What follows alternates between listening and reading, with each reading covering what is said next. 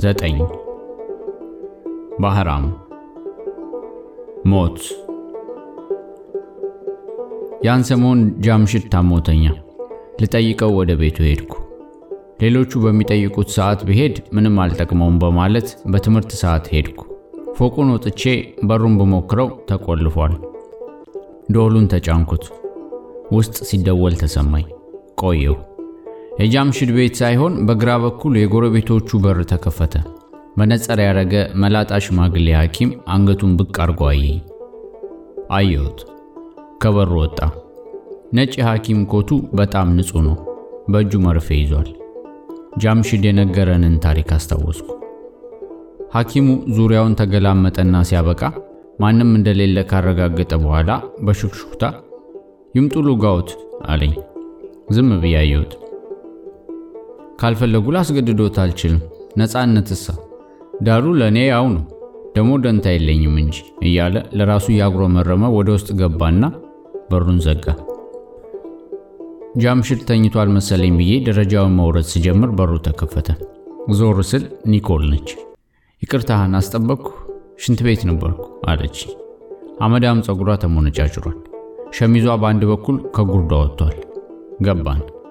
ጃምሽድ አልጋ ውስጥ ትራስ ተደግፎ እየሳቀ ዶክተር ሽቫይስተር መርፌ ይውጉ አለኝ። የእሱም ፀጉር ተሞነጫጭሯል፣ ግንባሩ ላይ ወድቋል። ግን ፈጽሞ የታመመ አይመስልም። ኒኮልና ጃምሽድ እየተሻሙ ስለ ዶክተሩ ነገሩኝ። ሰውን የማይጎዳ ሰላማዊ እብድ ነው። የመጣውን ሁሉ መርፌ ልውጋዎት እያለ ይጠይቃል አሉኝ። አነጋገራቸው አንድ ነገር ለመደበቅ የፈለገ ሰው ይመስላል። ትንሽ ቆይታ ኒኮል ክፍል አለብኝ ብላ ሄደች። ጃምሽድ ስለ ጎረቤቱ ዶክተር ኮሚኮሬ እያወራ ሲያስቀኝ ቆየና ተነስቶ ወደ ሽንት ቤት ገባ።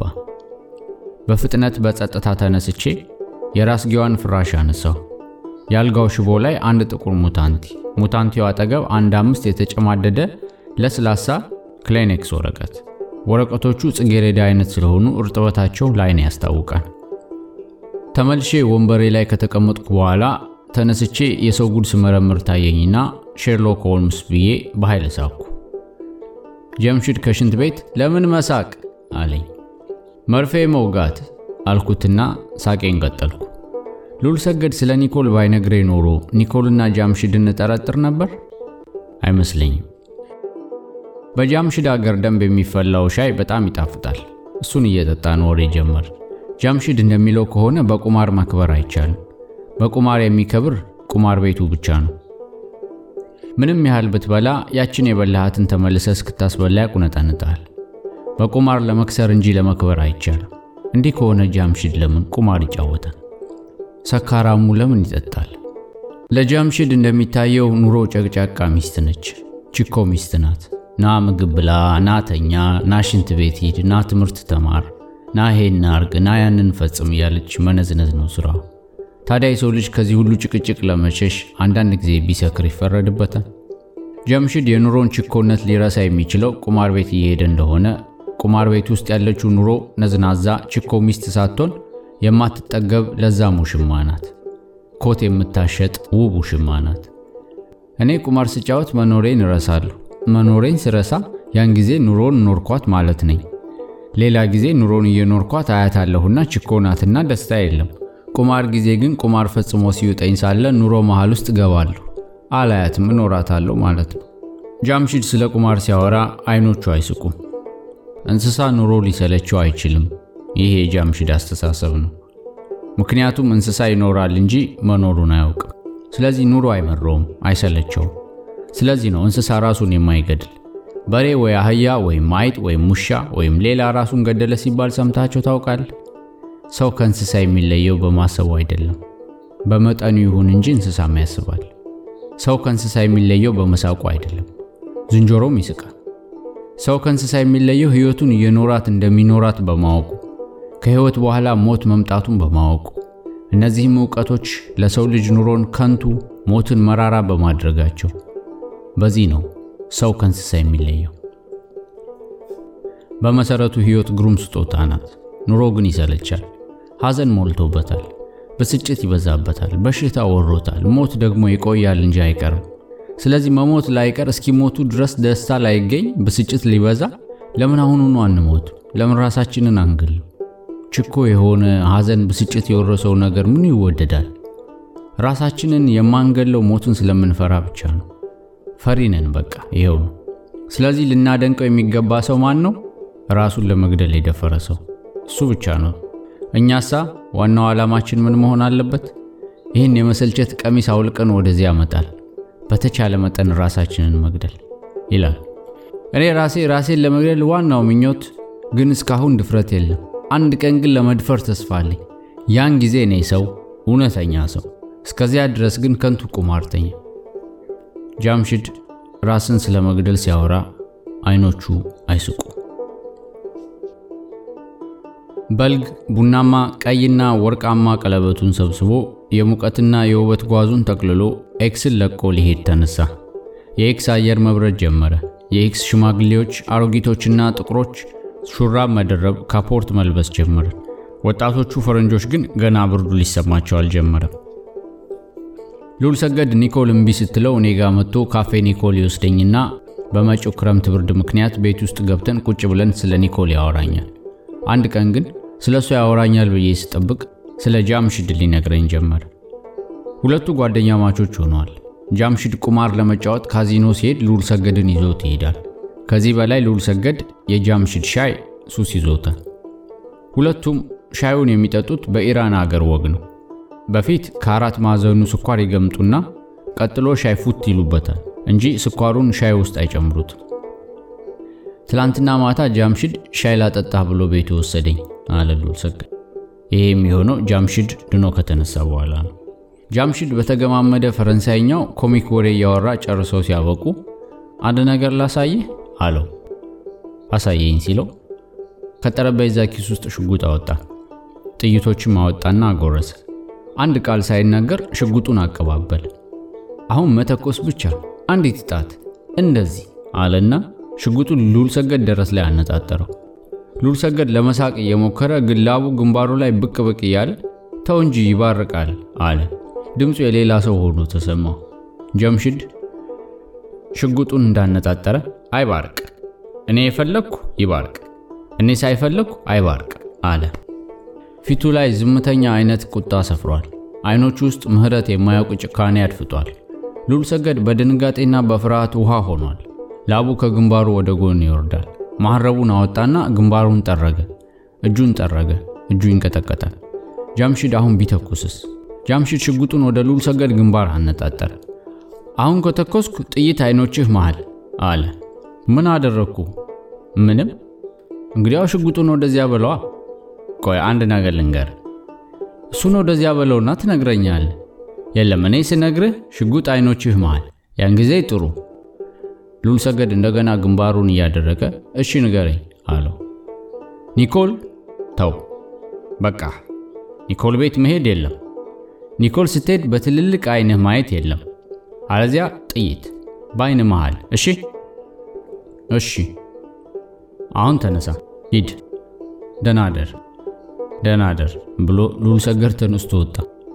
ባቡር መንገድ ሲደርስ አስታወቀው። ብርድ ብርድ አለው። ሲቴ ሄዶ ገላውን ታጥቦ ጥርሱን ቦርሾ ወደ ከተማ ተመለሰና አንድ ቢራ ጠጣ። ይሄኔ ስድስት ሰዓት ይሆናል። አሁን የምነግርህ በሙሉ የሆነ ነገር ነው አለ ሰገድ። ግን እኔ ራሴ በፈቃዴ የሰራሁት አይደለም።